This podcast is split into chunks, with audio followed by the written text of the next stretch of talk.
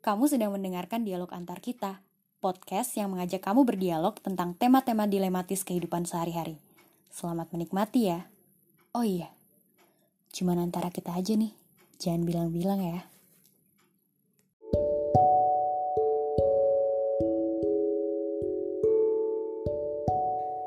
Izinkan gue untuk memulai episode kali ini dengan ucapan terima kasih uh, because I've got this podcast wrap already some times ago and I was kind of a little amazed betapa dengan begitu minimnya episode yang tayang tahun ini jumlah pendengar di tiap episode podcast ini tuh justru terus bertumbuh. Dan yang paling bikin gue tersentuh adalah sebenarnya saat membaca DM yang masuk ke Instagram podcast ini yang sebenarnya Instagramnya pun udah nggak begitu aktif dan tidak terkelola dengan baik gitu ya.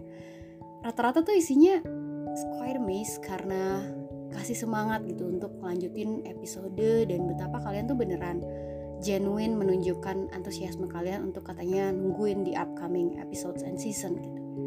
Tahu gak sih? Buat creator kecil kayak gue tuh that means a lot gitu. so ya kali ini I would like to say zillion thank you for your supports and um, especially passions. Dan ngomongin soal passions ya um, di penghujung tahun ini tuh gue pengen ngajak kalian berdialog sedikit tentang kesabaran terutama dalam konteks kesabaran dalam penantian. So this thought was actually coming as I scrolling over the gallery on my phone. Pas gue lagi lihat-lihat foto dan dokumentasi tahun ini, terus gue tiba-tiba kepikiran gitu ya. Um, tahun ini tuh kayaknya jadi tahun yang cukup life changing in a good way bagi gue dan dalam banyak hal gitu ya kerjaan, personal, the way of thinking.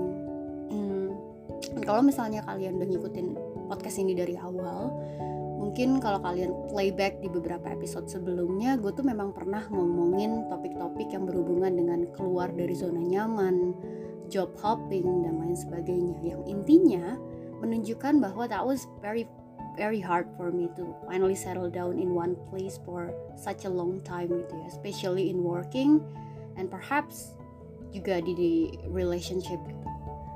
Kayak um, di setiap tahun tuh selalu jadi petualangan bagi gue. Karena gue tuh selalu bertanya di tahun-tahun itu tuh selalu bertanya kayak mau ke mana lagi ya gue setelah ini?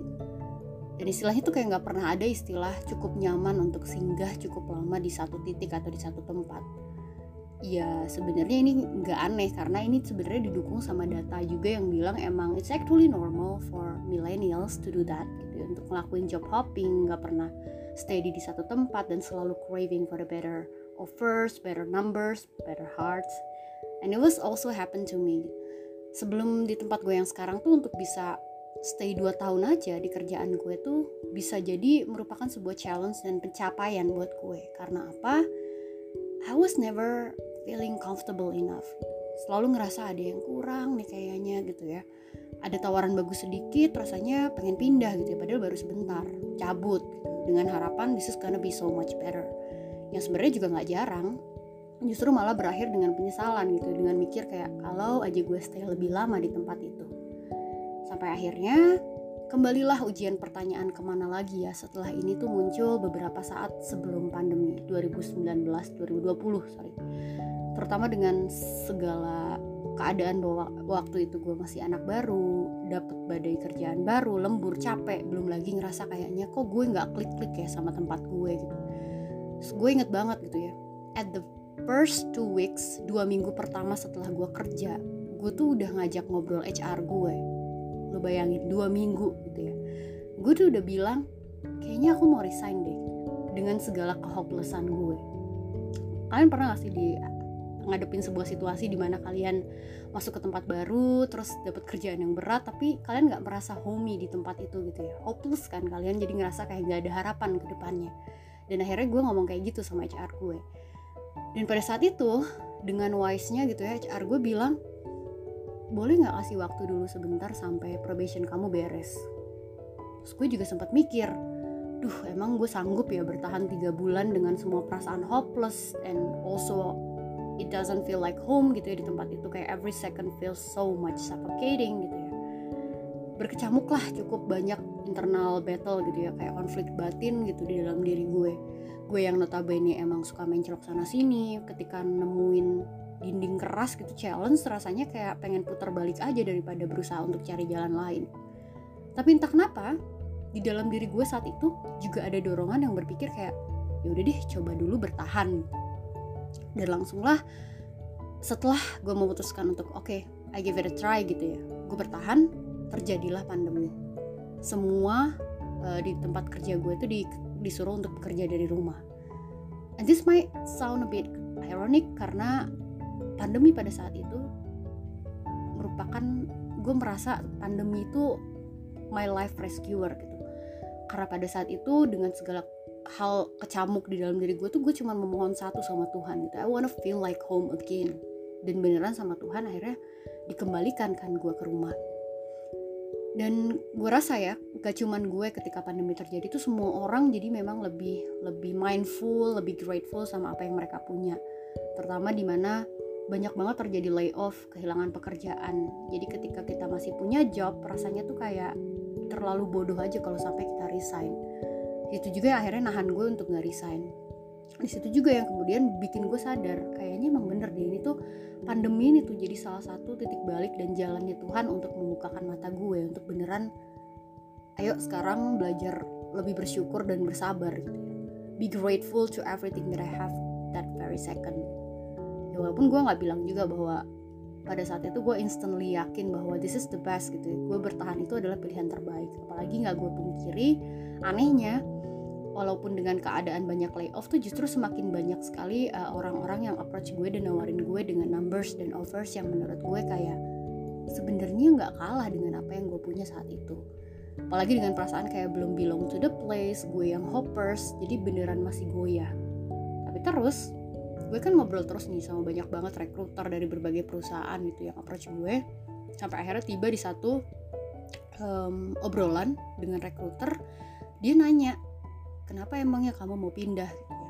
Terus tanpa sadar gue cerita lah gitu apa aja yang udah gue jalanin dan gue rasain selama tiga bulan itu gitu ya. Gue ceritain semuanya dan tanpa gue sadari yang gue ceritain itu tuh menurut dia menurut gue juga sih kayaknya itu tuh hal baik doang isinya. Sampai akhirnya dia bingung. Terus dari yang aku denger dari kamu tuh semuanya nyaman. Terus masalahnya apa ya? Kamu mau pindah? Dia tanya gitu. Dan pertanyaan itu yang akhirnya jadi kayak pertanyaan apa ya kontemplasi yang bikin gue kayak anjir bener juga. Gue cari apa sih selama ini? Gitu ya. Kalau emang masalah gue adalah gue belum merasa homey atau belum merasa feeling comfortable of being a part of the group gak bisakah gue bersabar?